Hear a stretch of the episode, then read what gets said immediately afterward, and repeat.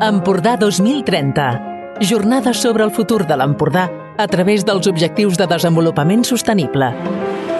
Un nou turisme sostenible, medi ambient i residus. Sobre el futur del planeta, del país o de la comarca se'n parla sovint des de múltiples mirades, probablement favorables a la persona o entitat que genera el debat.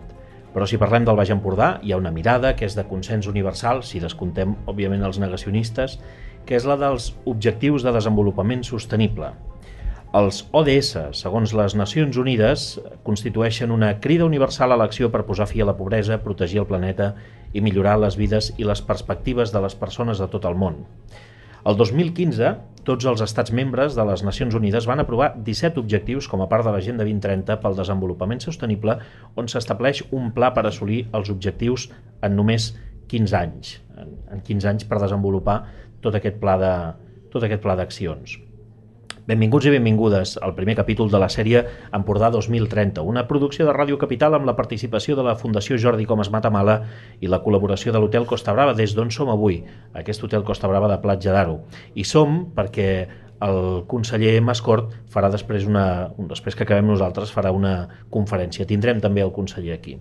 La voluntat d'aquesta sèrie de programes és abordar aquests ODS des d'una visió centrada en l'Empordà i centrat en el futur de la nostra comarca.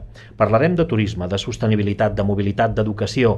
Ho farem en aquesta primera edició de l'Empordà 2030 en què abordarem cinc mirades de futur de la comarca i concretament en aquest primer capítol, en aquest primer programa, abordarem com s'ha d'adaptar el model turístic als impactes del canvi climàtic, la promoció d'edificis i infraestructures sostenibles amb l'entorn i autosuficients energèticament, en parlarem, dèiem, en aquest Espai Empordà 2030. Però quins seran els objectius de desenvolupament sostenible que treballarem en aquest bloc, Maria Alzina? Doncs es treballaran principalment quatre dels 17 objectius de desenvolupament sostenible marcats per l'Organització de les Nacions Unides.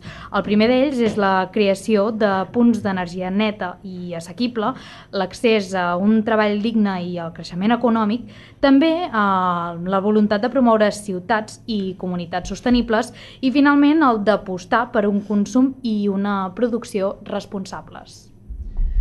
Gràcies, Maria. Per abordar aquests temes ens visiten, dèiem, diverses persones i avui, eh, en aquest primer Empordà 2030, ens visiten en Jordi Castelló, que és membre de, PAX, eh, de PAX Advising, ens visiten Miquel Sitjà, que és membre del Col·legi Oficial d'Arquitectes de Catalunya, també en Francesc Xavier Torró, que és tècnic de Medi Ambient de Begú, juntament amb el regidor de Medi Ambient, el regidor de la cosa, el senyor Jordi, el senyor Jordi González, ens visiten també en Pau Carbó, que és membre de la Junta de la Unió d'Empresaris d'Hostaleria i Turisme Costa Brava Centre i propietari del càmping Begú, i també en Jan Ferrer, que és membre de la plataforma Renovem-nos. A més, com dèiem fa un moment, entrevistarem el conseller d'Acció Climàtica i Agenda Rural, el senyor David Mascort. I farem també, ja que parlem de Mascort, eh, farem també un encàrrec a una altra de les persones que col·laboren en aquest programa, que és l'Anna Salvador. Visitarem amb ella un hotel, que és l'hotel Mascort de Palafrugell. És un hotel que, eh, vaja, ja en parlarem més endavant, no? però és un hotel que el que ve a dir és que és un hotel eco-friendly i veurem què significa tot plegat. Tot això al llarg d'aquest primer programa d'Empordà 2030, que ara comença. Empordà 2030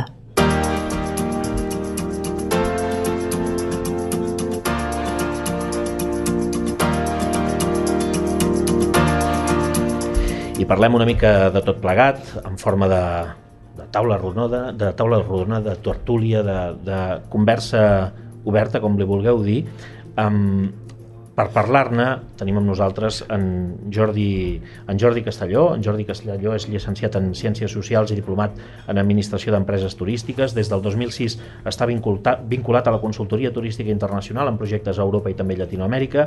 La seva especialitat és l'assessoria en sostenibilitat turística, els sistemes de gestió sostenible i la participació en la docència acadèmica. Senyor Castelló, benvingut.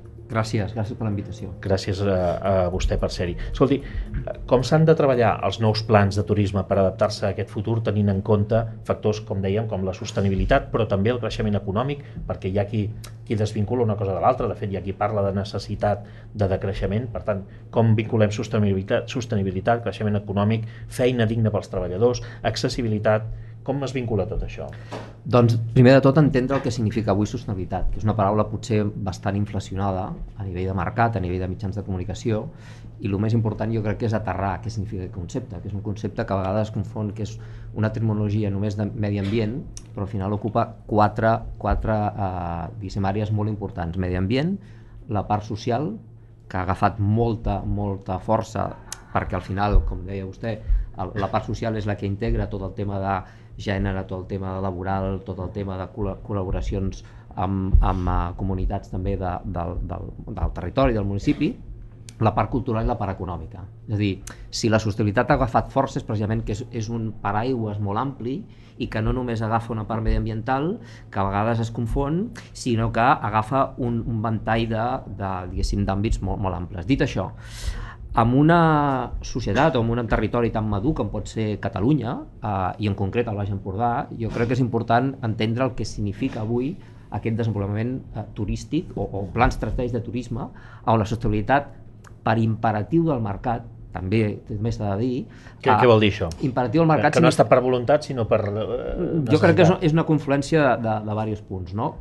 Avui el mercat, sobretot europeu, ens demana eh, anar a territoris anar a empreses on no només pensin amb el produir, amb, el, amb l'ingrés, amb el benefici, sinó amb la gestió sostenible del seu negoci. Uh -huh. Hi ha gent que encara no ho entén, hi ha gent que, que diu, bueno, jo fins que eh, els, els clients em deixin d'arribar doncs no, no canviaré perquè no, no, no ho necessito. Bueno, jo sempre els dic el mateix. Número 1, hi ha un tema important que és una empresa no pot ser sostenible si no és rentable vale? que, és, que és un punt molt important des d'un punt de vista ja d'empresari o empresària que té un negoci i que pensa que és un concepte potser de sostenibilitat molt poètic o molt bucòlic. No, hi ha una part econòmica molt important. Si no ets rentable, hauràs de tancar el negoci, i si tanques el negoci hauràs de despedir uns treballadors. Amb la qual això ja dona un aire diferent a aquest empresari o empresària que ha d'entendre, òbviament, que ha de tenir una gestió sostenible i minimitzar l'impacte que aquesta gestió eh, ha de tenir cap al, al medi ambient, cap al, al tema social també, cap a la part econòmica, cap a la part cultural, i entendre que no és només el que guanya, sinó com ho guanya. Mm. Això crec que és un paradigma diferent. Aquí ens hem trobat ja fa un parell d'anys ben bons, o, o per no dir ja tres, des de, després de la pandèmia, en la que arriba la temporada d'estiu i es parla de falta de personal Uh, I sempre hi ha qui diu, escolti, si li falta personal, el que ha de fer és pagar-li una mica més. Uh, estem parlant realment d'això? Perquè està vinculant, allò que el que dèiem de sostenibilitat, m'ho està vinculant a, a la rendibilitat de les empreses. Eh? Uh, estem parlant d'això o, o creu que la cosa va una mica més enllà? Jo crec que és un conjunt de coses. És a dir, després de la pandèmia, uh, realment hi ha una manca de personal al sector turístic. Per què? Perquè no ens enganyem, hem de ser realistes. El sector turístic, en general, els marges no donen per pagar tant i no és només l'hoteleria, és el tema de càmpings, el tema d'agència de viatge, són uns marges molt diferents a lo que és, per exemple, una botiga. Una botiga compra vostè un traje i hi ha un marge que després tenim rebaixes, etc. Llavors, què significa? Que el mercat ens està dient avui en dia, primer, que tenim falta de personal, claríssim, el, el, el, el sector turístic, no només aquí, sinó arreu del món. Després de la pandèmia, encara més. Dos, aquest personal ha de ser professional.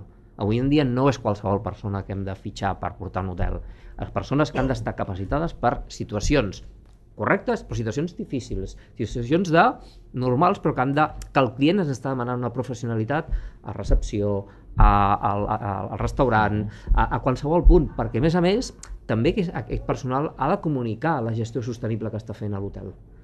Vale? Què vull dir amb això?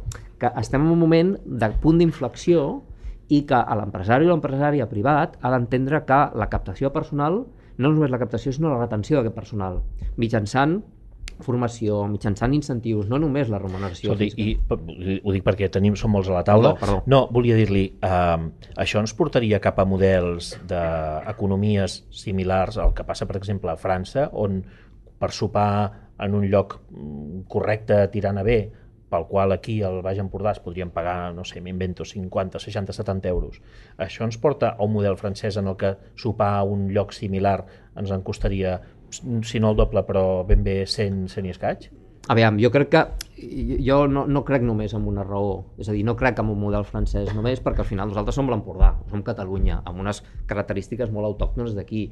Jo crec que al final el que s'ha de fer és intentar a captar personal professionalitzat, que aquí tenim escoles de turisme, vale? escoles de turisme a Catalunya, que a més a més ve molta gent de fora per estudiar a Catalunya, uh, i captar aquest personal i entendre que això significa fer-li un pla de carrera i un pla de carrera avui no és només dir, escolta, entra a recepció i ja veurem. El pla de carrera és un pla on aquesta persona se senti realitzada, se senti um, empoderada, que és un altre uh, factor important, i juntament ha d'anar la remuneració econòmica, però amb una remuneració, diguéssim, emocional, que es diu, uh -huh. amb una sèrie de, de vincles importants. Escolti, en termes, ja per acabar uh, aquesta part, eh, en termes de, de sostenibilitat turística, que és això sí. que estem dient, i sobre plans de, de, sosten... de plans turístics sí. a la comarca, si vostè hagués de posar una nota mitjana de compliment, en quin punt estaríem, del 0 al 10? 6 i mig. 6 i mig. Vaja, això és un bé, un bé raspat. Queda molt per fer. Molt bé. Queda molt per fer, s'ha fet, uh, no comencem, però queda molt per fer. Molt bé. Senyor Castelló, gràcies. Anem gràcies. a l'altre costat de la taula. Senyor Miquel Sitjà, eh, bona tarda de nou.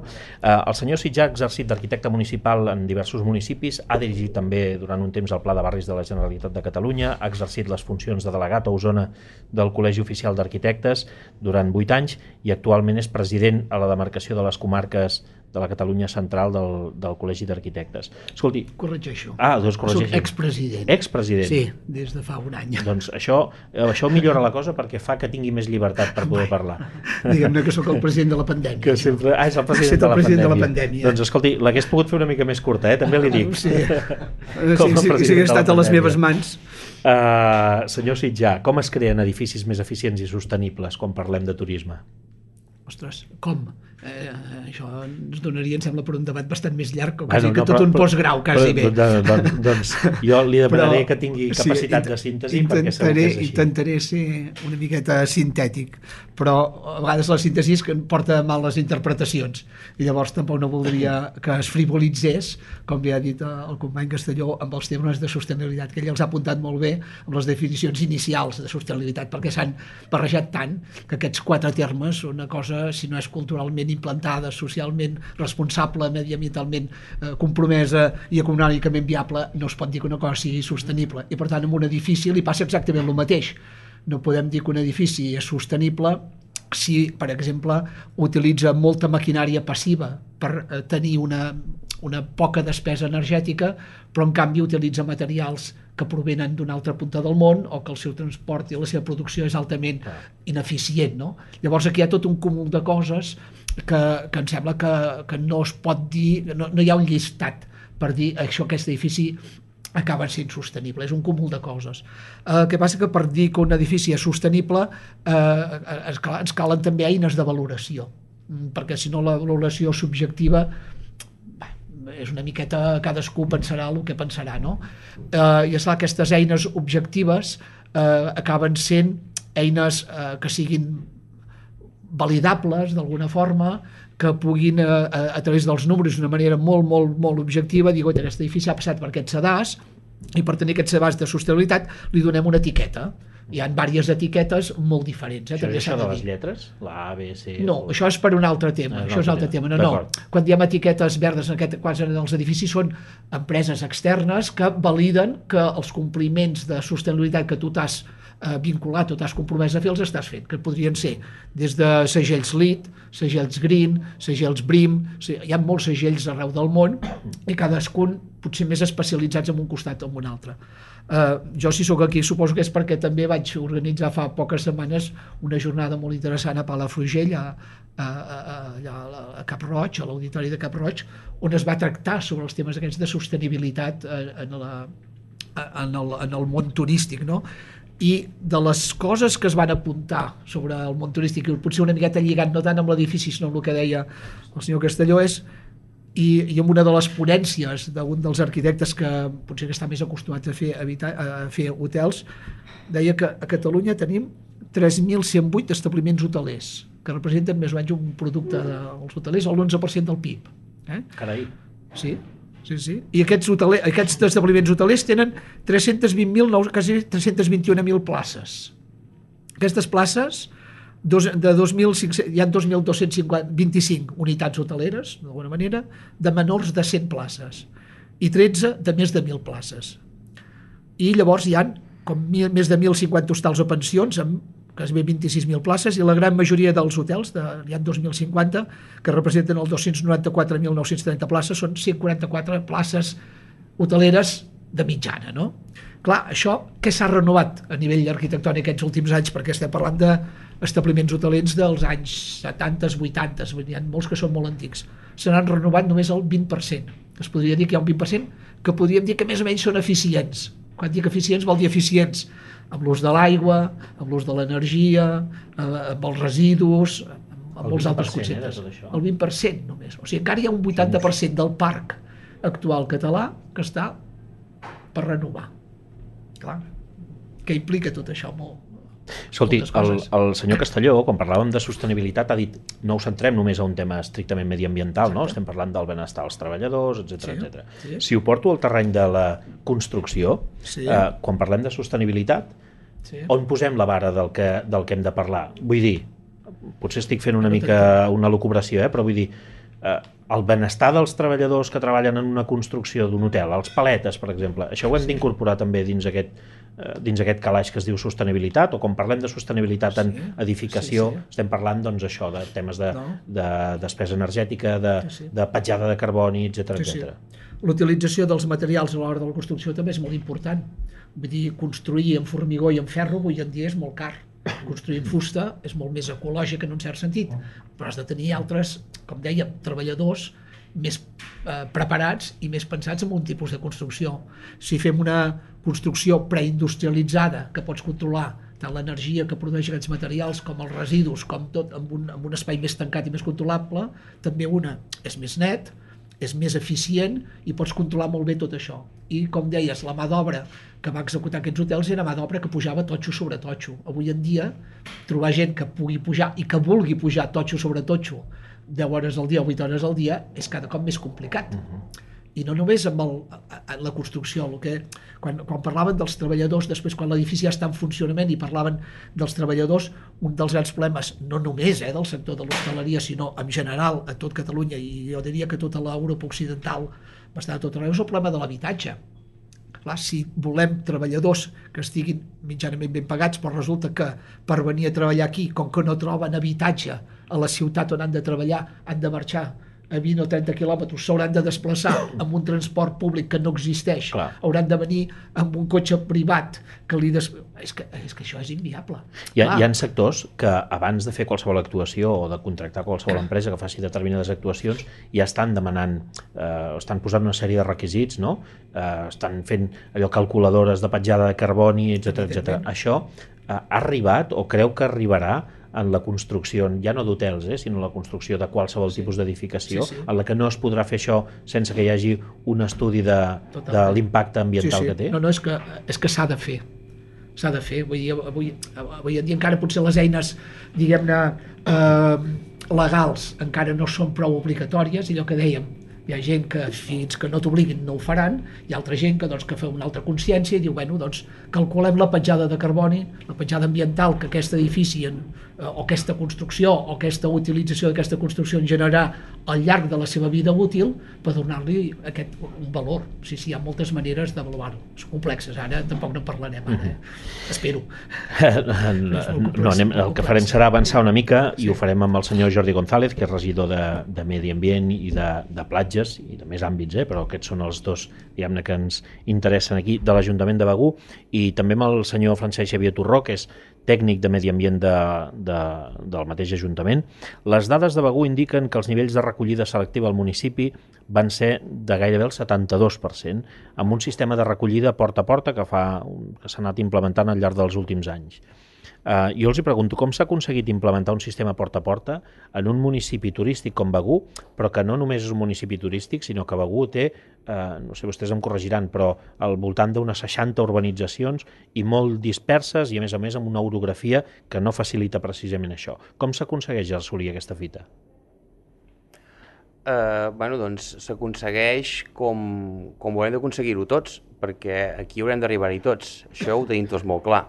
I cada municipi haurà d'utilitzar el seu mètode. Nosaltres vam considerar que el porta a porta era el mètode que ens possibilitaria uns millors resultats I tot i l'orografia, i totes les, tot i les dificultats, i tot i aquesta temporalitat de la població que tenim, eh, utilitzant les noves tecnologies que tenim avui en dia que ens permeten superar aquestes situacions i fent un canvi, ben bé un canvi de paradigma en el model, doncs vam apostar pel porta a porta. Això vol dir canvi de paradigma, vull dir un altre tipus de vehicles, en lloc de vehicles mastodòntics que recullen una quantitat ingesta de residus, passem a una flota de vehicles petits, bicompartimentats que amb una passada poden recollir dues fraccions, passa per dissenyar un model eh, basat en cubell, cubells amb xips, tecnologia mòbil que permeti interactuar amb l'usuari, fer serveis a la carta, etc etc. És un model molt complex, però és un model valent i, si em permets dir-ho, eh, és un model valent, realment, en el sentit de que el que volíem era superar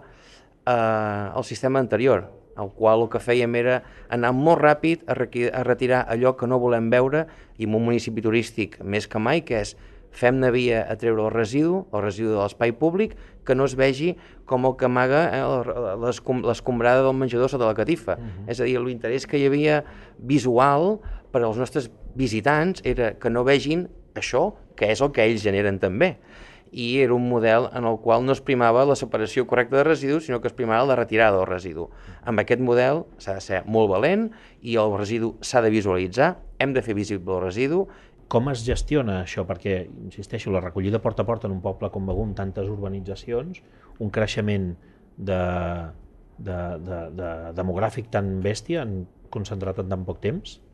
doncs es gestiona mm, de la mateixa manera. L'única cosa que s'implementa el servei de recollida, eh, sobretot en, en la recollida d'àrees d'emergència, que són aquests punts on eh, es, pot deixar, eh, es poden deixar els residus en cas de, de que no puguis fer servir el sistema ordinari i obligatori, que és el porta a porta, en cas de... Les són aquestes zones tancades on hi ha contenidors. Exacte, eh? són contenidor zones tancades amb contenidors i amb un accés diguéssim, eh, re regulat eh, i l'objectiu d'aquests tancats bàsicament és, per exemple, quan tenim un, un tipus de turisme que és més de cap de setmana, per exemple, que és el tipus de turisme que s'aguanta més tot l'any, eh, eh, per no haver de deixar el, els cubells a fora del carrer eh, un diumenge fins a tornar-hi divendres, per exemple, eh, hi ha aquestes àrees on poder aportar els residus. Llavors, en aquest cas, quan arriba l'estiu, per exemple, és, es multipliquen uh, els residus en aquestes zones. I llavors això es soluciona uh, ampliant el servei tant de la recollida del sistema ordinari, que és el porta a porta, com de la recollida sí, dels residus. Anava a dir, perquè aquest percentatge del que parlàvem, senyor Carbó, aquest 73% de recollida, eh, recollida porta a porta, m'imagino que deu ser la mitjana, però que l'estiu deu baixar amb, amb aquest increment de, de gent que, que utilitza aquestes àrees d'emergència, oi? Doncs no. Ah, no? I és molt interessant aquesta dada, perquè també l'hem analitzada. Ah, molt bé. Llavors, és curiós perquè el que ens... Vostè, a vostè se li il·lumina la cara quan parla d'això, eh? Li encanta el tema. M'encanta el tema, home, és clar, és que ja portem uns quants anys sí, amb sí, aquest sí, tema. Sí, i... molt bé, molt bé.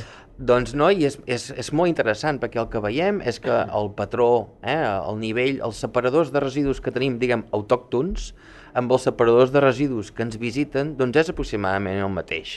Vol dir que és una qüestió de país, és a dir, la consciència que tenem en els begurencs de reciclar o de separar, diguem-ho bé, és la mateixa que pugui tenir el que ens visita de fora i que ve a casa al poble doncs té el mate... és a dir, no, no perquè siguis de casa o perquè siguis de fora, tens més consciència a l'hora de reciclar o, diguem-ho bé una altra vegada, separar els residus correctament. Val? Per tant, la campana de Gauss la trobem sempre i la trobem, eh, la, la trobem pel que fa als quilos, però si mires el nivell de separació és pràcticament... És les variacions, eh? però és pràcticament el mateix. Clar, perquè jo vull afegir que fins i tot, eh, tot i que veiem o analitzem que durant els mesos estivals, per exemple, hi ha un volum més gros de, de, de residus, fins i tot en les àrees d'emergència, per exemple, cal remarcar que dintre de les àrees d'emergència també estan totes les fraccions i, i se segueix separant correctament de la mateixa manera. O sigui... Uh -huh.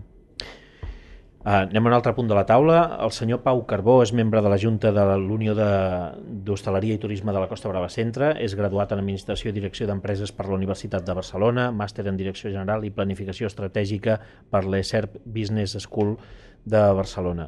Uh, vostè està aquí representant una mica la patronal del, de la cosa del turisme a l'Empordà.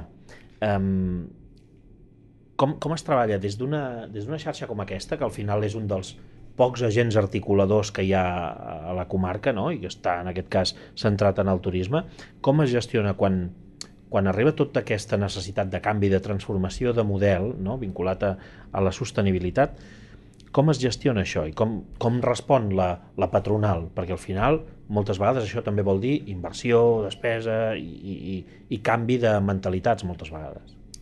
Sí, bé, uh, des de l'associació es fan moltes accions, uh, des d'organitzacions i representació, no obstant, també en temes de sostenibilitat i mediambientalment uh, es fan bastants assessoraments en termes ambientals. A la cooperativa, per exemple, hi ha l'empresa especialitzada en certificacions que fa molt de temps que treballa. També s'impulsen accions eh, público-privades com pot ser eh, la que es va fer fa poc juntament amb la Cambra de Comerç eh, el compromís per la sostenibilitat turisme, turística de les comarques de Girona que això l'objectiu era augmentar la certificació Biosphere a, a, a les entitats eh, privades i públiques de les comarques de Girona per tal d'augmentar el nivell de certificació que hi ha en, en aquests agents i poder augmentar l'eficiència.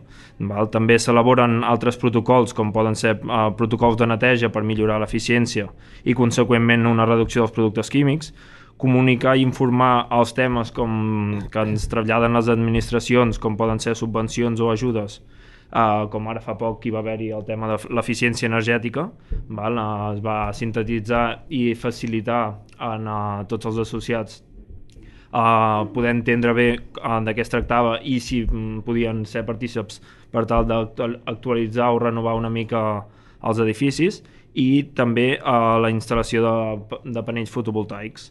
També eh, es fan, bueno, tenim una oferta formativa molt, molt diversa i, i molt, molt gran. Val? Però una de les qüestions també, per exemple, seria la qüestió de formació en malbaratament alimentari en el sector de la restauració per tal d'evitar els residus i la formació d'equips i augmentar la qualitat de, dels treballadors. I en general, bueno, és promoure una mica els objectius de desenvolupament sostenible que tenim compartits amb tots.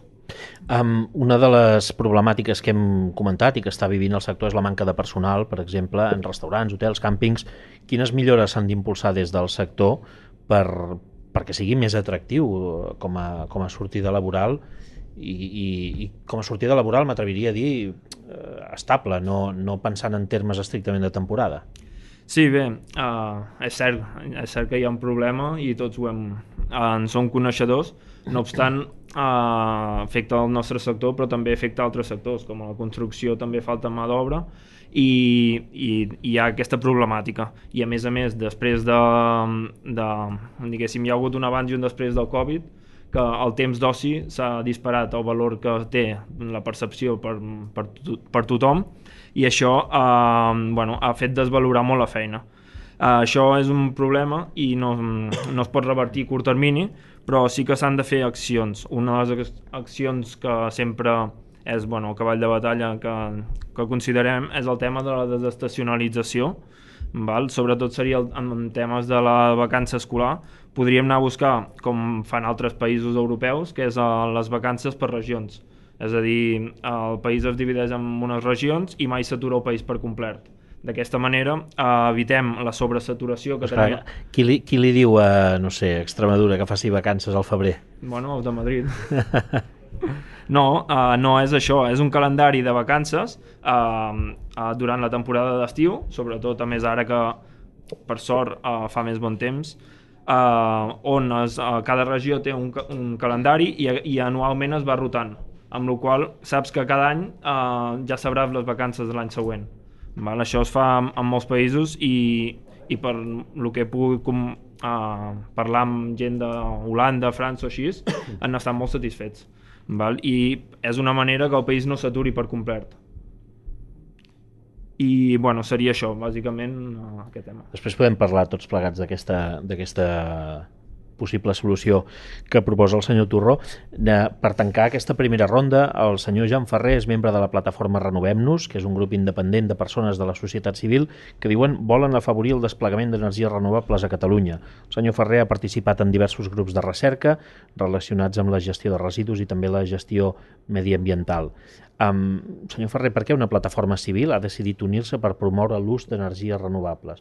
Li acabaré preguntant, pel, ja, ja, pot anar pensant-hi, eh, pels, pels molins de, del Parc Eòlic de Roses, també. Tocarà, tocarà, evidentment, parlar-ne. Um, bé, el, el punt de partida és molt bàsic, perquè estem en una situació d'emergència. Aquest és el primer punt i el punt que ens porta com a ciutadans estar preocupats de que això és un gran problema i ens afectarà en molts sentits de la nostra vida durant els propers anys, ja ho està fent, i per tant ens porta a dir ens hem de posar les piles i hem d'apretar uh, l'accelerador i començar aquesta transició d'una vegada per totes i ràpid perquè en certa manera hi ha urgència, no? hi ha una certa pressa.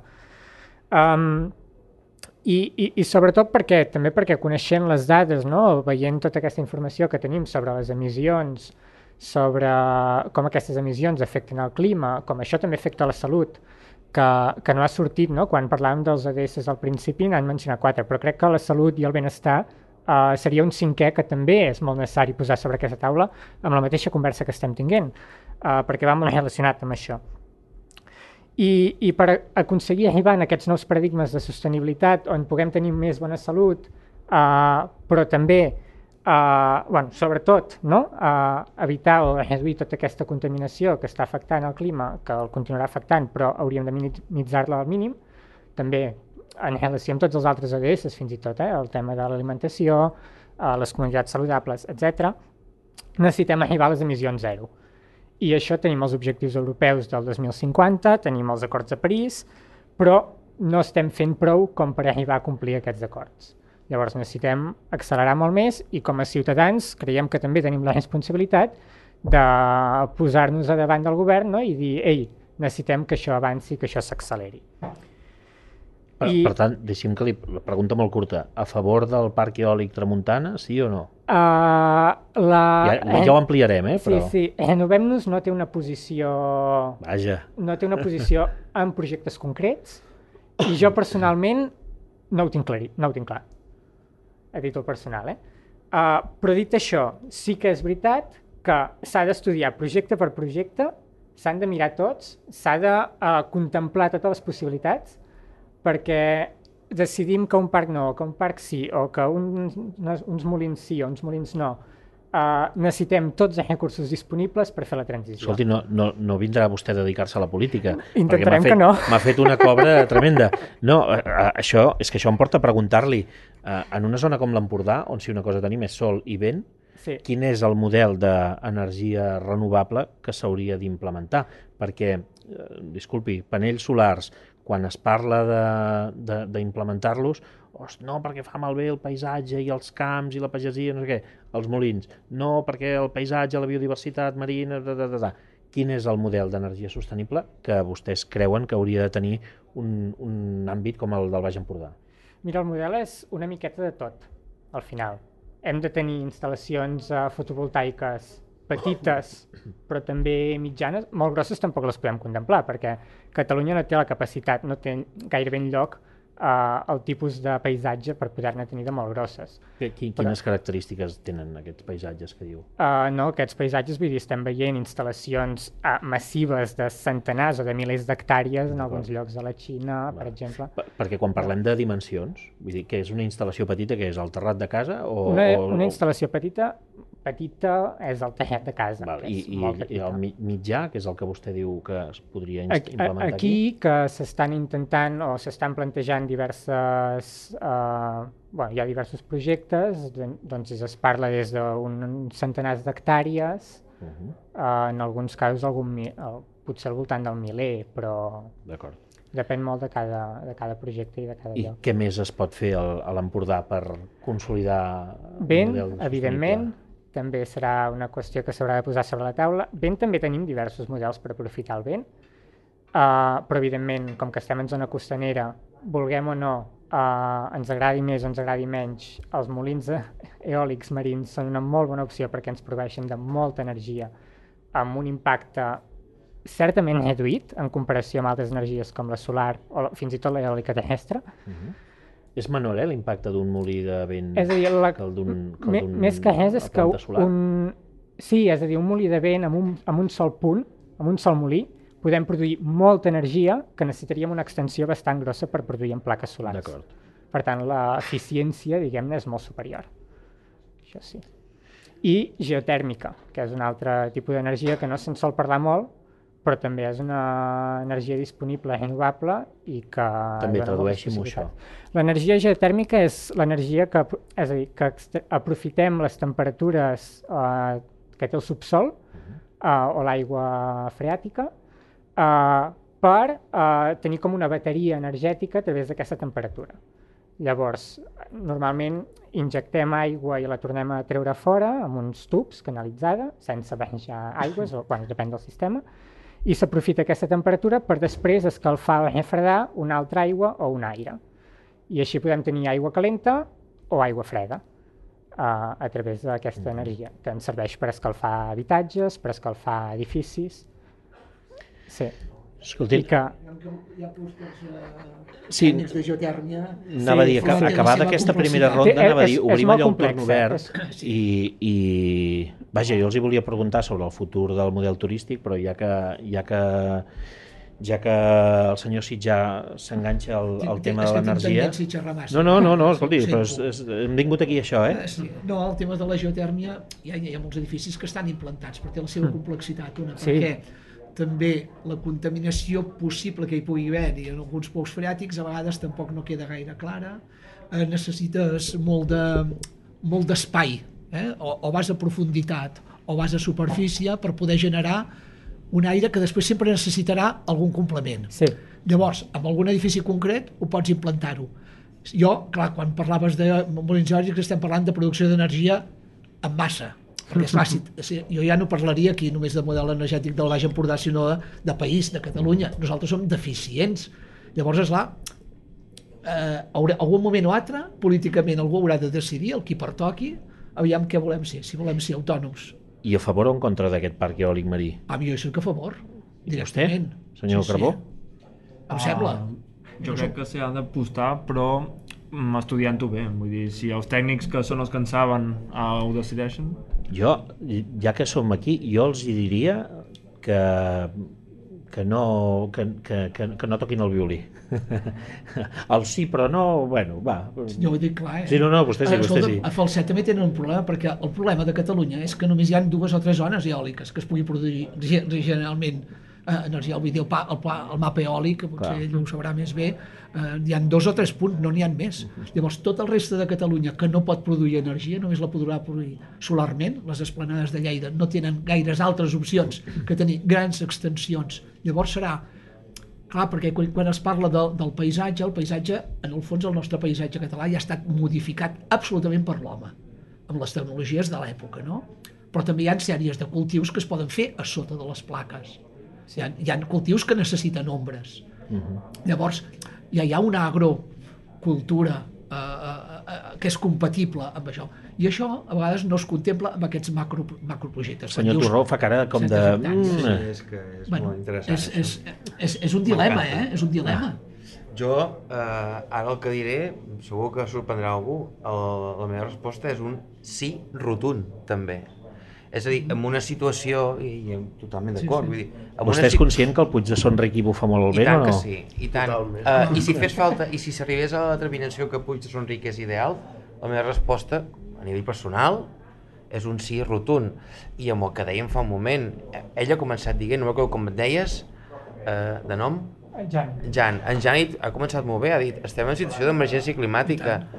Si partim d'aquesta premissa, si la premissa és emergència climàtica, la paraula emergència vol dir que hem superat totes les línies vermelles. Què és el paisatge davant d'això? És a dir, el paisatge és subjectiu, el paisatge es transforma. El que per mi potser és vell, potser per vosaltres no ho és.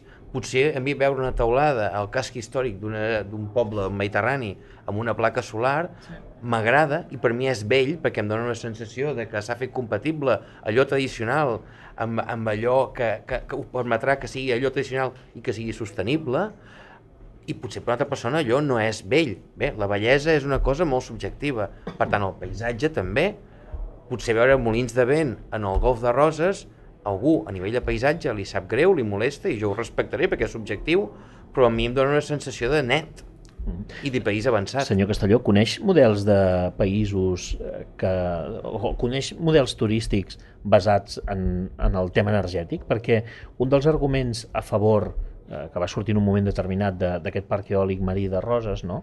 deia, no, no, és que hi ha tot un turisme que visita també aquest, aquest tipus de zones. Això existeix? És existeix i, i ho enllaço d'alguna manera amb el que comentava abans de, de la desestacionalització. És a dir, jo crec que avui en dia tenim molts mercats emissors, no només a Europa, pensem que estem en un món global, i mercats emissors que poden venir des de novembre fins a març a diferents tipus de turisme turisme ornitològic, turisme de veure les estrelles, turisme de veure parcs eòlics, i això passa per entendre i conscienciar-nos que realment estem en aquesta situació. Ja no és dir, és que alguns diuen que estem en una emergència eh, climàtica. No, ho estem. Vale? Després hi ha cadascú que faci o que pensi el, el negacionisme A, B o C, però ho estem. Doncs a partir d'aquí jo crec que ens hem de fer nostre, molt nostre, com a locals i també el turista que ve, que la situació és el mateix aquí que el que pot ser a Holanda o el que pot ser a Suïssa perquè som tots part del mateix, del mateix uh, entorn. Llavors, aquesta conscienciació crec que també passa pel territori, molt important, però per l'empresa privada. Aquesta empresa privada que al final ha d'entendre que mm, vaig tard, i nosaltres, i ara parlo com a consultora, aquest any ha sigut un boom perquè els hotels, sobretot, ens ven a dir ei, ajuda'm a portar una gestió sostenible de l'hotel, per exemple. Per què? Mm. Perquè se n'adona que l'hotel del costat ja ho té. I hi han clients que l'hotel ja no hi van perquè la gestió no és sostenible, perquè hi ha botelles d'aigua de plàstic, vale? i perquè tenen amenities a l'habitació que ja no són amenities com dispensadors, que per exemple això ja és el més normal del món, però no ah. pots quedar amb el dispensador. Has d'anar més lluny. La sostenibilitat, si em permet, només sí, sí. no té ni dimensió ni categoria. I hem de trencar tabús. No és cara, el 2023. No és cara? No és cara. Doncs, doncs miri, eh, diu vostè que la sostenibilitat no és cara. En, en una zona com el Baix Empordà o com la Costa Brava hauríem de buscar un model, de, entenem que hauríem de buscar un model de turisme més sostenible. Eh, ho he dit abans al començament, hi ha qui opina que tot això passa per decréixer, eh, justament, no? Eh, al final el capitalisme es basa en mm, el creixement continu i hi ha qui creu que ha arribat un punt en el que hem de començar justament a fer el contrari, no? Eh, no sé si estan a favor, si creuen que, que, que s'hauria de tirar cap aquí. Cap on hauríem de tirar des d'un punt de vista econòmic? Jo diria, si em permeten, a l'equilibri. És a dir, ara estem desequilibrats perquè tenim dos mesos forts i després tenim la resta de l'any gairebé, bueno, amb, amb alguna coseta. Llavors, aquest, aquest desequilibri què fa? Pues que no hi hagi eh, mà d'obra estable, que al final són contractes eh, temporals, que no hi hagi un servei al millor de, de recollida com tal durant tot l'any, només que concentrat durant dos o tres mesos, llavors cal trobar aquest model i que crec que avui estem en capacitat de trobar-ho. El que passa que és fàcil dir amb el sol i platja em, em quedo perquè he guanyat diners durant 50 anys i ara continua a haver-hi sol i platja. Bueno, doncs ara tenim sol, platja, turisme de submarinisme, turisme de senderisme, turisme de bicicleta, turisme de benestar, turisme de pobles, turisme interior, turisme agrícola, turisme el que vulguis. Però eh, els hi pregunto també, ho dic per repartir una mica més sí. el de joc, eh? Uh, és, és realista pensar que el turisme es pot desestacionalitzar fins al punt d'arribar a un equilibri, ja no dic equilibri zero, eh? però però vaja, en, en un punt en el que ara, o, o els hi pregunto diferent fins i tot, les infraestructures d'una zona com la nostra, que durant els mesos de juliol i agost estan molt tensionades, no? estic parlant de les carreteres, però també de les xarxes d'aigua d'alta i de baixa, de subministrament elèctric, etc etc. Desestacionalitzar el turisme, entenem que vol dir baixar-lo el juliol i agost i repartir-lo, o entenem que vol dir la resta de mesos fer-lo créixer? Perquè si la resposta és aquesta, la segona pregunta que els hi faig és està el nostre territori preparat per poder aguantar aquest, eh, aquest tensionament? M'agradaria, crec que podria respondre una miqueta en aquest sentit. Uh -huh. Uh, per mi la premissa és, evidentment, durant els mesos d'estiu ha de baixar. Hi ha d'haver un decreixement en aquest sentit i després, evidentment, també un Després li preguntaré a vostè sobre això, eh? I, i evi evidentment, també un, un repartiment, no? Però hem de ser molt conscients que mirant-ho des de l'òptica aquesta de la transició energètica també, eh? ara mateix tenim un model energètic que ens permet tenir grans quantitats d'energia en llocs concrets, en moments determinats, molt específics, segons les necessitats. Per què? Perquè tenim uns dipòsits energètics, a través del fòssil, a través de, potser no tant, però també la nuclear, que ens permeten regular molt bé tota aquesta energia. En el moment en què fem la transició cap a les energies renovables, perdem una gran part d'això. Llavors, hem de ser molt conscients que, per tant, és imperatiu regular com gestionem els fluxes econòmics, però també socials, en el territori per trobar un equilibri i no tenir grans pics energètics de consum. Això vol dir que a l'estiu no podem tenir tanta gent en un mateix lloc, per exemple, i que al llarg de l'any ha de ser estable, perquè és que si no, no ho podem abastir, de cap manera. Senyor Carbó, i com ho fem, això? Sí, bueno, uh, això hi estem d'acord, la sobresaturació que tenim al mes d'agost, tots són, són partíceps que qualsevol lloc que intentes anar està col·lapsat. Si aconseguíssim repartir-ho, seria ideal. Uh, és, és molt idíl·lic, però, però bueno, s'hauria d'intentar, amb això que he comentat abans de les vacances, però també eh, des del punt de vista del client, el consumidor ha de tenir un consum més responsable. Vull dir, eh, el de cap de setmana està bé, però té una, un, té una despesa de, de, o unes emissions a l'anada i la tornada més curtes. Si es fan estades més llargues, per exemple, també és diferent. Vull dir, tens menys contaminació amb el transport i tal. I, bueno, sí, seria una mica així. Digui, digui. Sí, sí, jo volia apuntar un parell de coses. Eh, Fruit de la reflexió d'aquesta jornada que dic que vam fer a Palafrugell, que encara no, no han... Una cosa que ja més o menys l'hem insinuat i una altra que penso que també és molt important de tractar. Eh, I lligant una miqueta tots aquests caps de, d'implementació eh, i concentrar-nos amb els hotels, les dades de la Generalitat més o menys diuen que una ocupació mitjana d'un eh, un edifici hoteler és d'un 45%.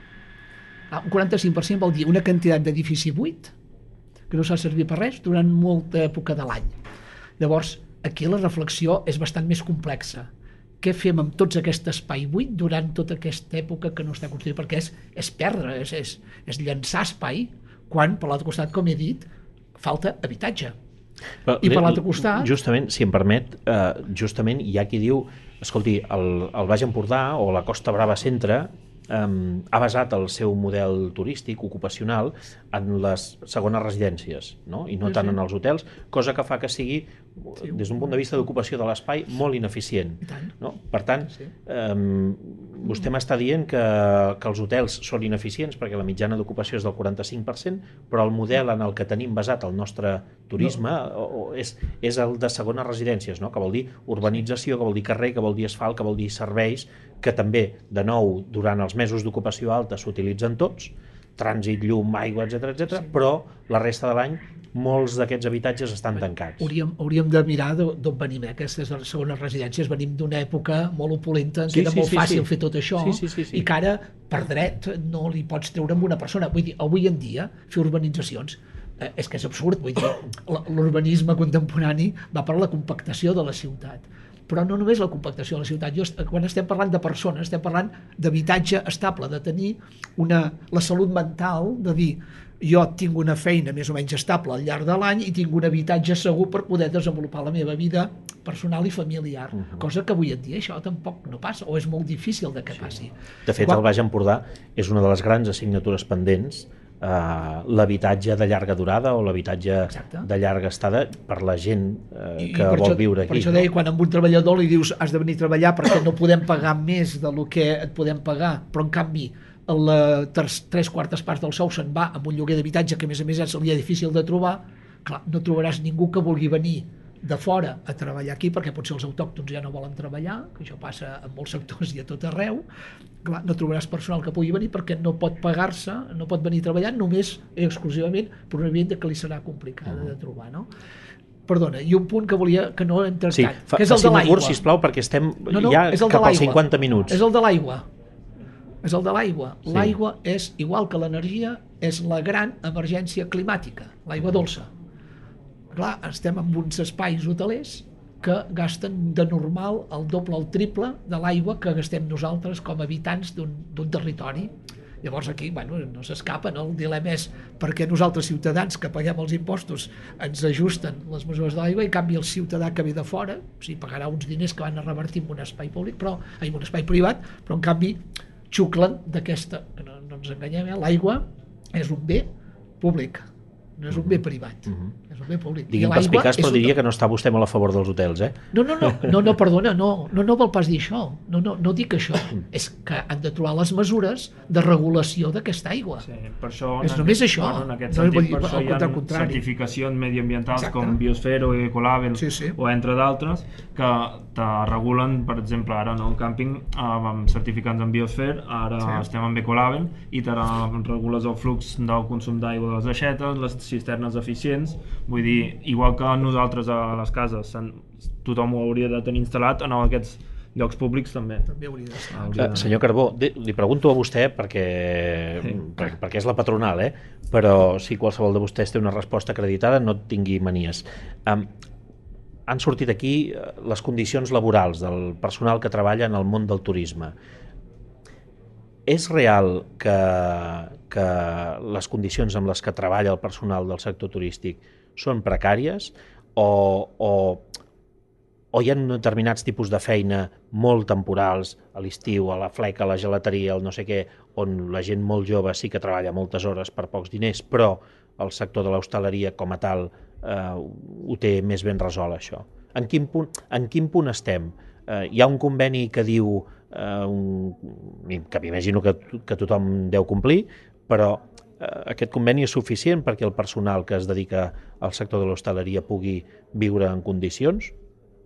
Um, òbviament, és, és cert que no puc parlar per tothom, però en, en, en diguéssim, el sector els sous tots són per sobre conveni, val?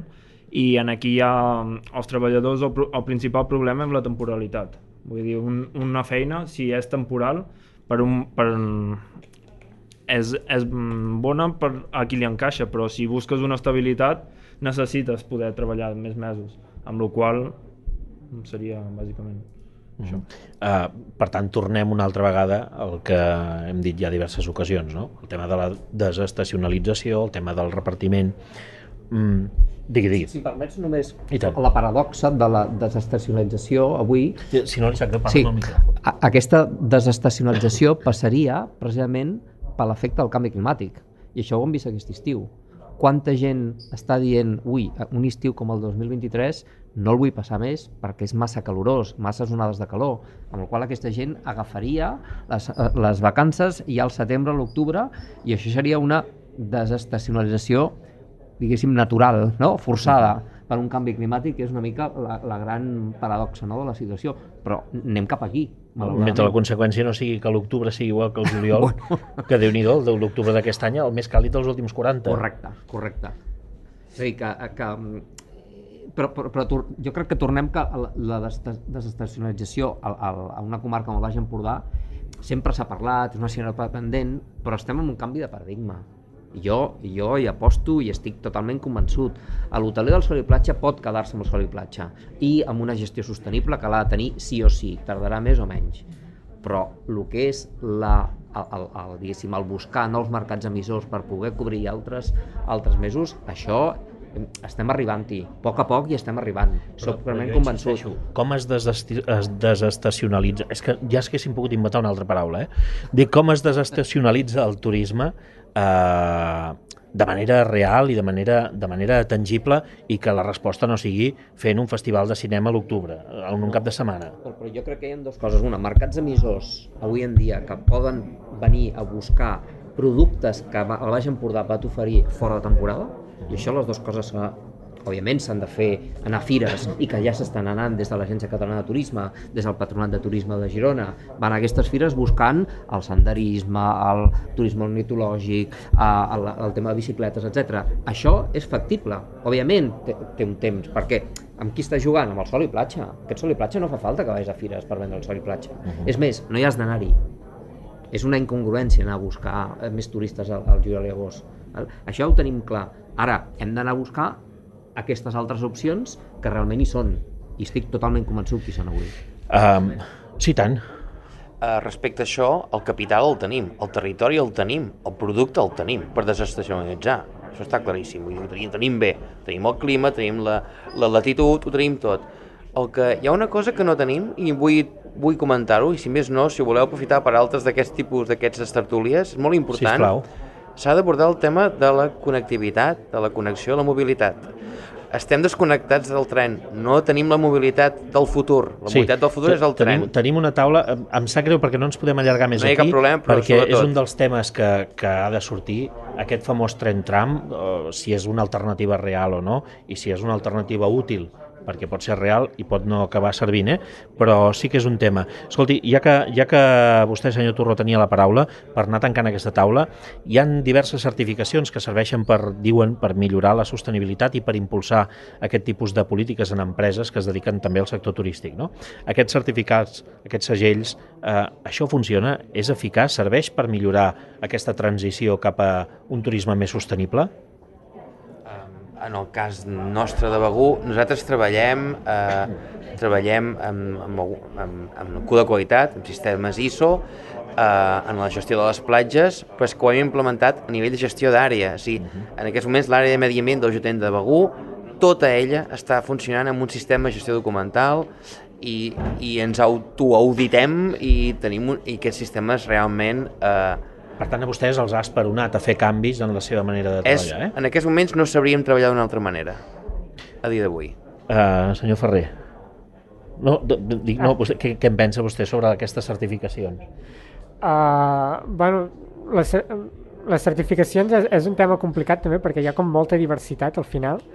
Llavors es, es genera tant un núvol tan gros sobre els diferents tipus de certificacions que tenim, les maneres de fer-ho, que, que crec que sovint acabem perdent també una miqueta la, la visió sobre realment la transició i ens acabem senyint només a uns estàndards o unes certificacions que estan bé, ens donen informació, Vol dir que Però- tenim una mica de titulitis també amb les certificacions? Sí, bueno, mm, eh, en general, amb moltes coses ho tenim, però, però és a dir, també hi ha un element molt més intuïtiu o molt més, eh, diguem-ne, proper de poder explicar. I si jo puc explicar, puc ensenyar i puc crear aquestes narratives fins i tot sobre com passa això, concretant-ho amb dades, concretant-ho amb l'acció que realment estic fent, no cal que ens anem tampoc a grans certificats o, o grans sistemes de certificacions. Però cal que siguem realment molt transparents amb l'impacte que estem tinguent i això sí, mirar de mesurar-ho i ser transparents, sobretot. Senyor Castelló ha alçat el dit. Ràpidament, dos coses. Una, certificacions. Una cosa, la certificació de lo que és la construcció d'un edifici, vale? que és el, el, el Brigham, l'Elit, etc. Una altra cosa, la certificació de la gestió del negoci. Molt important diferenciar-ho. Jo treballo amb certificacions que coneixo bé, Biosfera, ERCHEC, etc. I jo només voldria dir certificacions et valida anualment, s'han de renovar, amb la qual tu has d'estar constantment sí, validant que tu compleixes una sèrie de criteris, número 1. Ara, el que sí s'ha de tenir en compte és que fa 7 anys una certificació una cosa i aquestes certificacions s'han d'anar actualitzant i no totes valen avui 2024 meva opinió, jo he fet benchmark d'aquestes certificacions i a vegades anem molt fàcil a dir bueno, la certificació més a prop espanyola que estigui, cuidado estem en un nivell d'emergència climàtica i això significa que hem de pujar la nostra exigència a nivell d'empresa per poder tenir realment una gestió sostenible del nostre negoci. Senyor Carbó? Temes certificacions, és cert, n'hi ha moltes i jo penso que s'haurien una mica d'unificar més a nivell de, tant de país com de- d'Europa o del món, ja que uh, uh, unificar-los, bàsicament, i també a nivell de, de reciclatge també es podria unificar a nivell de països, perquè és cert que uh, sí que s'ha de fer molta pedagogia i informació, però els clients de, de fora ho fan d'una altra, altra manera de fer. Doncs per acabar aquesta ronda ho farem amb el senyor Miquel Sitjà. No, això que dèiem de les certificacions. Ah, sí, vale, pensava sí. que em feies una pregunta nova. No, no, perdona, no, no, no, no, no. no, no, no estic molt d'acord amb, el que, amb el que dieu. Eh? Estic d'acord que les certificacions són una eina que et poden ajudar, però al final, si tu no n'estàs convençut de que el fons de, de lo que et demana la certificació ho pots fer-ho certificant-ho o sense certificar-ho. La qüestió és fer-ho. És fer-ho. Que tinguis un títol. Què passa? Que si hi ha transparència, el client ho pot veure, si no hi ha tanta transparència, l'única manera que el client pot veure a l'hora de contractar un servei és que es hagi un segell que digui "Guaita, nosaltres som Biosphere, o som Label, o som no sé què més, és l'única manera de moment que, que trobem. Però jo estic d'acord que eh, no hi ha res com la consciència del propi empresari, la consciència del, de l'usuari, eh, treballar, això ja els, els tècnics de la zona, la desestacionalització, estic d'acord que és una paraula complicada de dir, Sí. veig. De tot pogut posar-li vedell amb bolets Sí. per indicar el turisme durant tot l'any, no? I seria però, més fàcil. Però em sembla que amb les dades que hem anat dient, els, els hotels que estan buits, els càmpings que, per exemple, una de les jornades va venir un càmping del costat de, de Barcelona que han trobat mecanismes per estar ocupats durant tot l'any, aprofitant possiblement la proximitat de Barcelona. Bueno, doncs els càmpings d'aquí de, de la zona del Baix Empordà, Costa Brava, hauran de trobar eines per estar oberts tot l'any, igual que els hotels, poder tenir obertura tot l'any amb diferents events, però això ja és un tema molt personal a treballar a cada una de les empreses. Senyor Pau Carbó, senyor Miquel Sitjà, senyor Xevi Torró, senyor Jordi González, senyor Jordi Castelló, senyor Jan Ferrer, um, estava llegint els noms, he de dir que ens ha quedat una taula molt masculina, Um, he de dir també a la gent que ens veu, que ens escolta o que ens està seguint que teníem uh, una taula més paritària i que finalment canvis d'última hora de- d'agendes d'algunes convidades no ens ha permès que aquesta taula fos més paritària, però assumim el compromís que això ha de, això ha de canviar i això ha de ser així. En qualsevol cas, jo sí que a vostès els hi volia donar les gràcies per participar d'aquesta taula. Ha sigut, crec, molt interessant i molt il·lustratiu sobre quin és el model de turisme que hem de tenir en aquesta, en aquesta zona nostra si volem, si volem avançar. Gràcies a tots per participar-hi. Gràcies. I nosaltres eh, ara volem saber com és un hotel eco-friendly. D'aquí un moment us ho expliquem. Empordà 2030. Hola Anna, Salvador. Hola, Tu has anat a veure un hotel eco-friendly sí, exacte. i jo em pregunto què és un hotel eco-friendly. Doncs és un hotel que tot ell es basa en que és un hotel ecològic. A part d'ecològic també és saludable, però bàsicament eh, això vol dir que la seva construcció i tot el que ofereixen està fet amb productes ecològics i amb aquest punt de vista ecològic i sostenible. Això passa des de la construcció més bàsica de l'edifici fins als productes que ofereixen a l'esmorzar, també els mobles que són tots a proximitat. La idea és aquesta i els seus propietaris ho tenien clar des d'un principi i això és el que ens expliquen al reportatge. Escolta, i tu després de veure aquest hotel, quan et plantegis eh, fer un viatge, eh, creus que ha sigut tan eh, disruptiu per tu com per plantejar-te a partir d'ara anar només a hotels d'aquest tipus o, o és una cosa que és un de més a més però ja està? Sí, perquè ells eh, realment ens explicaven que, que el futur del turisme ha de passar per aquí i és veritat que, que realment és una cosa que consumim molt, no? que, que és important començar a canviar i nosaltres com a consumidors realment tampoc ens costa tant no? fixar-nos en aquests petits detalls que, que fan, ja que és un esforç que fan extra els, els propietaris dels hotels, doncs és una cosa que es pot començar a mirar i que realment, doncs, si volem viatjar i, i ho podem fer, doncs si ho podem fer així millor encara. Doncs veiem el reportatge, gràcies Anna. Som-hi.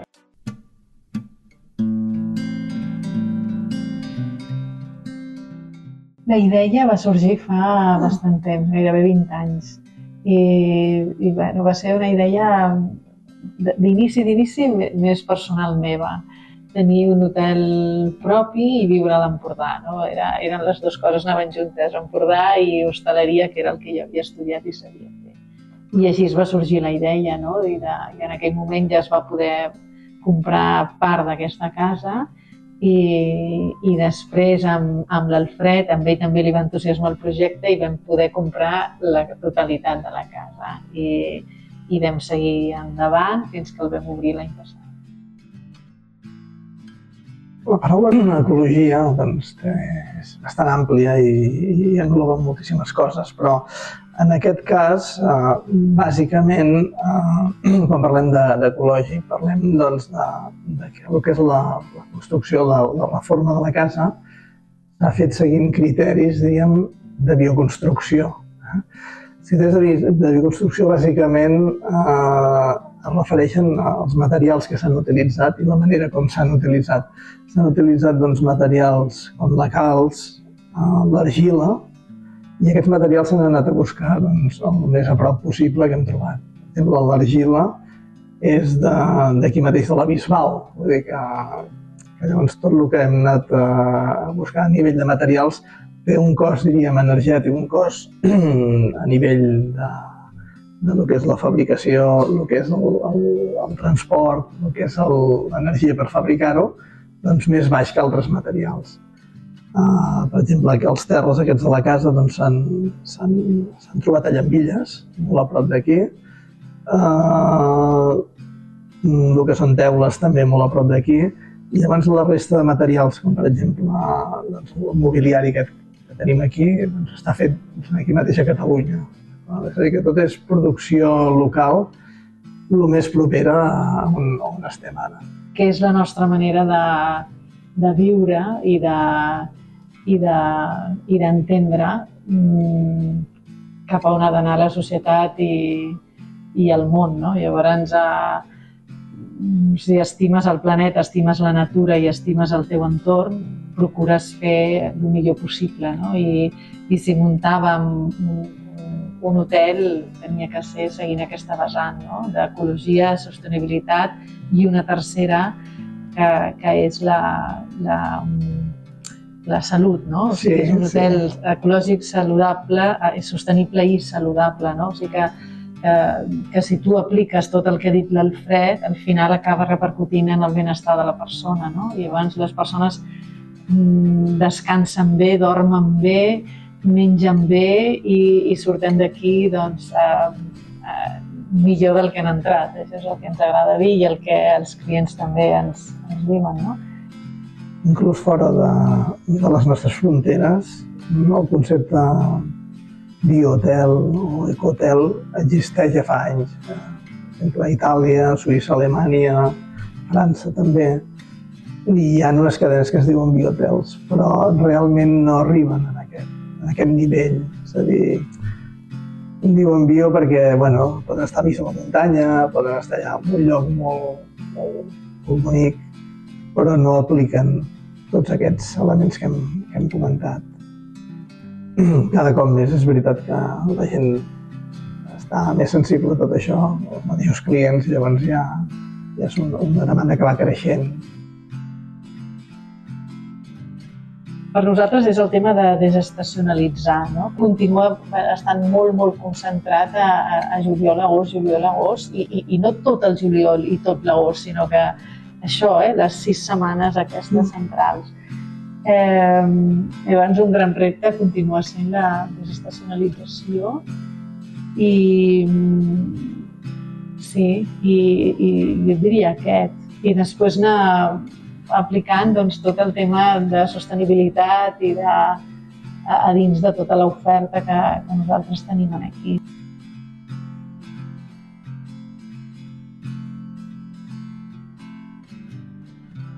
Empordà 2030. Conseller d'Acció Climàtica, Alimentació i Agenda Rural, senyor David Mascor, benvingut a Empordà 2030. Vespre. Uh, escolti, ara fa un moment, eh, sobre aquesta xerrada que ha vingut a fer a, eh, aquí amb la Fundació Jordi Comas, ha preguntat, li han preguntat si havia anat bé i, i, i li han dit que havia estat molt didàctica. Jo tinc la sensació que ha anat bé, tinc la sensació que ha anat bé. De fet, la meva resposta ha estat és que sóc professor. Ja. Jo ara faig de conseller, però jo sóc professor. Uh, escolti, vostè ha començat la xerrada dient no parlaré de la sequera, vinc a parlar d'aigua. Um, com, com, com s'afronta un període com aquest, perquè també és un bon moment per ser conseller, trobo, del RAM, en un període, si no recordo malament, ha dit de 38 mesos de sequera pluviomètrica, és això? 36, sí. 36. Sí. Com, com s'entoma això? Uh, amb molta voluntat de fer molta feina per fer-ho el més fàcil possible per a la ciutadania, sabent que és molt difícil, molt complexa, gestionar la falta d'aigua en un país on, gràcies, o sigui, per sort, tenim una economia molt diversificada al nostre país. Si només tinguéssim un o dos sectors, seria relativament més senzill. Per sort tenim una. Però tots els sectors necessiten aigua i llavors, també ho he dit a la xerrada, no es tracta d'una guerra entre sectors a veure qui es queda l'aigua, sinó de tots plegats com ho fem per gestionar millor la poca aigua que tenim. Escolti, ara, ara que diu això de qui es queda l'aigua, vostè ha estat alcalde de Vilablareix i per tant és eh, gironí o eh, diguem-ne de, de Terres Gironines, eh, ha parlat també que venia sovint a Platja d'Aro. Mm, així com a la zona de l'Ebre hi ha hagut un moviment, no? feia un moment vostè deia aquí es queda l'aigua, hi ha hagut un moviment, la plataforma en defensa de l'Ebre, que ha sigut molt beligerant i molt vehement a l'hora de defensar el no transvasament de l'Ebre, no se'n parla pràcticament mai d'un transvasament que es fa de l'aigua del Ter que va cap a la demarcació de Barcelona i que això ja data dels anys 60, si no tinc mal entès. Uh, això, això seguirà sent així? Ha de seguir sent així? Hi haurà algun moment eh, que es reverteixi? Quina opinió li mereix això? Deixi'm discrepar, eh? eh no només se n'ha parlat, perquè també hi ha la plataforma de defensa del Ter, Sí, però està, sinó que es van signar els acords. El soroll que s'ha fet no és sí, el mateix. Sí, però es van signar els acords de la taula del Ter que suposen, al final del període, deixar de portar aigua del Ter a Barcelona. És a dir, eh, ja fa dos anys que complint els acords de la taula del Ter es porta menys aigua del Ter cap a l'àrea metropolitana que fa 3 o que fa 4. L'objectiu, és veritat que ara amb aquesta situació de sequera tan terrible és més complicat. Però van passar dels 120 hectòmetres als 100 i l'objectiu d'aquest 23 era els 90. D'acord? Per tant, sí que anem reduint cada vegada més l'aportació del Ter a l'àrea metropolitana de Barcelona. Perquè al final la qüestió fonamental, també n'he parlat allà, és mantenir la vida al Ter. Eh? Per tant, l'aigua del Ter hauríem de fer els possibles perquè es quedi al Ter. També és veritat que l'àrea metropolitana de Barcelona, el conjunt del país, necessita aigua i la del Ter es porta des de, com vostè ha dit, des dels anys 60 i hem d'anar fent els possibles per regenerar més aigua, obtenir més aigua del freàtic, etc, aprofitar millor l'aigua que consumim, etc, per anar reduint l'aportació del Ter a l'àrea metropolitana de Barcelona. Escolti, i aquesta canonada famosa de Badalona que diu que llença 180.000 litres d'aigua cada dia des de fa 17 anys, això en quin punt està? Per, Això està- Com és possible? Uh, o sigui, 180.000 litres al dia són molts litres. D'acord? Són molts litres. Però dintre del consum de tota l'àrea metropolitana de Barcelona són molt pocs. Uh, aquesta aigua s'aprofitava fins fa uns mesos perquè vam arribar a un acord amb l'Ajuntament de Badalona que la fuita la conduïem cap a un dipòsit en el qual l'Ajuntament hi tenia una bomba i feia servir tota aquesta aigua per regar. Aquesta bomba es va espatllar abans de les municipals, eh? I l'Ajuntament de Badalona no la reclava i per tant l'aigua es perdia. Ara, estan, si no l'han arreglat ja, estan arreglant la bomba i l'aigua s'aprofita. Això és un problema molt complexa, perquè estem parlant d'una canonada que fa, ara li diré de memòria, eh, però pràcticament 20 metres de diàmetre, per tant, hi, 20 pas, de hi diàmetre, passen carai. els camions per dintre, Carai. i que per poder-la arreglar s'ha de tallar l'aigua a la meitat de l'àrea metropolitana. Llavors, què es va pensar en el seu moment? Desdoblar la canonada. Hi ha tres trams de desdoblaments fets i falta l'últim, el que empalma al final, que val 36 milions d'euros. Ah? Llavors, ara, no vull dir que ja els hem trobat, però pràcticament hem trobat els 36 milions per fer l'última fase, per tant podrem deixar de passar aigua per aquella canonada que perd, passar-la per la canonada nova i reparar la vella. Escolti, anem a coses més estructurals, que, que això és el que volíem parlar aquí. Uh, vostè sap que, que un dels problemes que hi ha en aquest territori, un dels problemes, un dels temes que genera controvèrsia és aquest parc eòlic que es vol fer a la badia de Roses, que diuen que paisatgísticament afecta la part litoral eh, de i del, del Baix Empordà, per descomptat, com es pot equilibrar l'aposta per l'energia sostenible amb una demanda energètica tan alta com la que tenim i amb una gairebé obligació d'apostar per les renovables? Com es pot fer això tenint pràcticament tots els alcaldes de la zona en contra, però que alhora tenim gairebé l'obligació, eh, fins i tot moral, d'impulsar les energies renovables. En un país on el que tenim és sol i vent. Uh, aquesta és la qüestió. O sigui, quan jo dic que les coses són molt complexes, és perquè hi ha molts punts de vista diferents a l'entorn de la mateixa cosa. Em permetin fer una, una apreciació. Els alcaldes no hi estan en contra. De fet, amb els alcaldes... Home, han signat uns quants manifestos ja, eh? No, no, no, amb els alcaldes estem d'acord i així ho hem treballat a la taula que tenim amb tots els alcaldes de la zona en fer la prova pilot. I, de moment, el govern de la Generalitat, o sigui, recordo, eh? Això és una competència de l'Estat, és l'Estat qui defineix la zona on es posarà el parc, la Generalitat intervé a l'hora de definir la zona i la fa reduir en un 75%, per tant, la zona actual és un 25% de la que era abans, i en aquesta zona... Això tenim clar si és una bona o una mala notícia? Aquesta reducció de... No, és una 75%? bona notícia perquè en els espais que estava dissenyada afectava directament a caladors de pesca, a espais gairebé protegits o semiprotegits, etc. Per tant, la intervenció nostra fa que es redueixi en tots aquests espais que eren realment molt perjudicials. En aquest espai que s'ha definit ara serà molt perjudicial per la pesca, per la biodiversitat, per...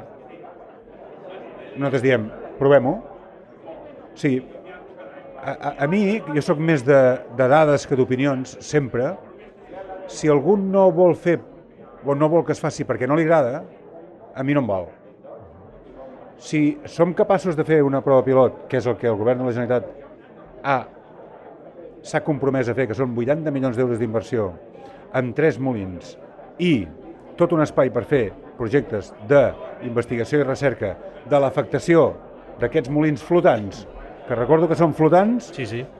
que no n'hi ha només que a Portugal, no n'hi ha lloc del món. Eh? Per tant, tots els estudis que diuen que estan perjudicial perquè van anclats, no, no, aquests no van ancorats, van flotants. Per tant, el que diem nosaltres és, fem la prova pilot, fem el prototip i durant uns anys investiguem, fem recerca de si és veritat que són perjudicials per la biodiversitat, per la pesca, per... que es demostra que són molt perjudicials, no, no es farà el pla, no es farà el parc, perquè els informes ambientals seran negatius. Conseller, en temes de renovables, quants anys de retard portem en aquest país? Depenent de on algú cregui que hauríem de ser ara. Jo dic sempre que molts. Anem molt tard. Hem estat 10 anys parats. 10 anys. 10 anys que no s'ha posat un parc fotovoltaic, 10 anys que no s'ha posat un molí. Per tant, anem molt tard. Eh, Li pregunto perquè eh, també en aquest país eh, sembla que som especialistes en que cada vegada que s'ha de fer algun projecte nou o un projecte disruptiu o un projecte que transformi alguna cosa, sembla que siguem especialistes en generar moviments a la contra, no? Eh, vostè em parlava ara d'una prova pilot, que aquesta prova pilot trigarà, què, un, un any i mig, dos? Sí. Eh, li pregunto justament per això, no? perquè un té la sensació si no, a vegades no pagaria la pena, eh, malgrat que s'han d'assumir alguns costos polítics, lògicament, però un es pregunta si no pagaria la pena anar una mica més pel dret. Uh, si tots som conscients d'aquests dèficits que, que hi són. Segurament les formes de, de fer política d'alguns dirien que sí, les nostres no. Intentem sempre, i ho he explicat abans, per exemple, un bon exemple del sector pesquer, a parlar de cogestió i cogovernança. I hem de ser capaços d'arribar a acords a aquest país de com volem fer les coses. De fet, una de les coses que estem fent és el PLATER, el Pla Territorial Sectorial de l'Energia, perquè el mateix territori digui on vol que vagin els parcs fotovoltaics, els parcs eòlics, etc. De tota aquesta feina que fem a través dels agents que hem posat nosaltres a cada una de les comarques per fer aquesta feina, amb els alcaldes, amb els agents del territori, n'ha de sortir la ubicació de tots aquests eh, parcs fotovoltaics, eòlics, etc., que ens han de garantir el subministrament elèctric energètic. Que quan no sigui possible que la comarca es posi d'acord, el govern haurà de fer-ho, evidentment. Però prèviament hem de ser capaços de seure'ns tots a la taula i arribar a consensos en les coses importants del país. Deia, deia vostè que aquest és un país que té una economia molt diversificada. Aquesta zona, l'Empordà, l'economia bàsicament eh, es mou a partir del turisme eh, i el turisme requereix una demanda d'aigua molt important. Som en un període complicat, però més enllà d'aquest període de sequera, que esperem que tant de bo passi, eh, com es pot com s'ha de repensar tant el model turístic com el model d'infraestructures d'aigua en alta o en baixa, per exemple, per poder garantir que això no serà un problema de futur? Uh, hi ha multitud de bones pràctiques en el sector turístic que s'han de universalitzar i, i extrapolar al conjunt d'establiments. Uh, tenim establiments que han reduït el seu consum d'aigua en un 50%. Per tant, hi ha moltes bones pràctiques a dur a terme. És veritat que durant molts anys això no ha sigut una prioritat, n'han sigut d'altres, aquest Aquesta zona on estem és una zona, jo he dit abans, punta de llança en la innovació al sector turístic, jo diria que d'Europa, i per tant els que han començat ja estan duent a terme molt bones pràctiques que el que hem de fer, el que hem d'aconseguir és estendre-les al conjunt del sector perquè sigui igual de competitiu i sostenible que ha sigut fins ara. Conseller, encara una última qüestió molt ràpida. Vostè és el conseller del que penja també el, el, eh, tot el que té a veure amb, amb residus. Sap vostè que hi ha hagut o hi ha un tancament d'un abocador, l'abocador de Solius, i això genera cert nivell de malestar per l'augment de costos al qual han de fer front els ajuntaments i, per tant, la ciutadania, que al final veurà repercutida la taxa. Eh, hi ha alguna solució perquè això no impacti tan directament en els ciutadans i, si hi és, quan es prendrà? La solució és que la comarca del Baix Empordà decideixi la ubicació de l'abocador que necessita i el govern de la Generalitat posarà tots els diners que facin falta per construir-lo. Mentrestant, és evident que els costos de, de recollida els assumeixen els ajuntaments sempre sense discussió, els costos de trasllat i de tractament també els han d'assumir. Si tenen la sort que tenen un abocador a prop, aquests costos són molt baixos, si tenen la dissort que l'abocador està molt lluny, aquests costos són més grans. Eh. Tot i així, el govern de la Generalitat sempre és copartícip de qualsevol de les situacions en les quals es vegin els ajuntaments del nostre país, d'aquesta també. No sé si una proposta, però tenen vostès alguna ubicació que seria, no sé si ideal, però òptima on posar un possible abocador aquí al Baix Empordà? No, no, no. no. Uh, la legislatura passada municipal, eh, parlem, sí. el Consell Comarcal del Baix Empordà va acceptar la feina, l'encàrrec de discutir amb tots els ajuntaments de la comarca la ubicació. I estem a l'espera que el Consell Comarcal ens digui on el volen. Senyor Mascor, conseller, gràcies per venir. Moltes gràcies.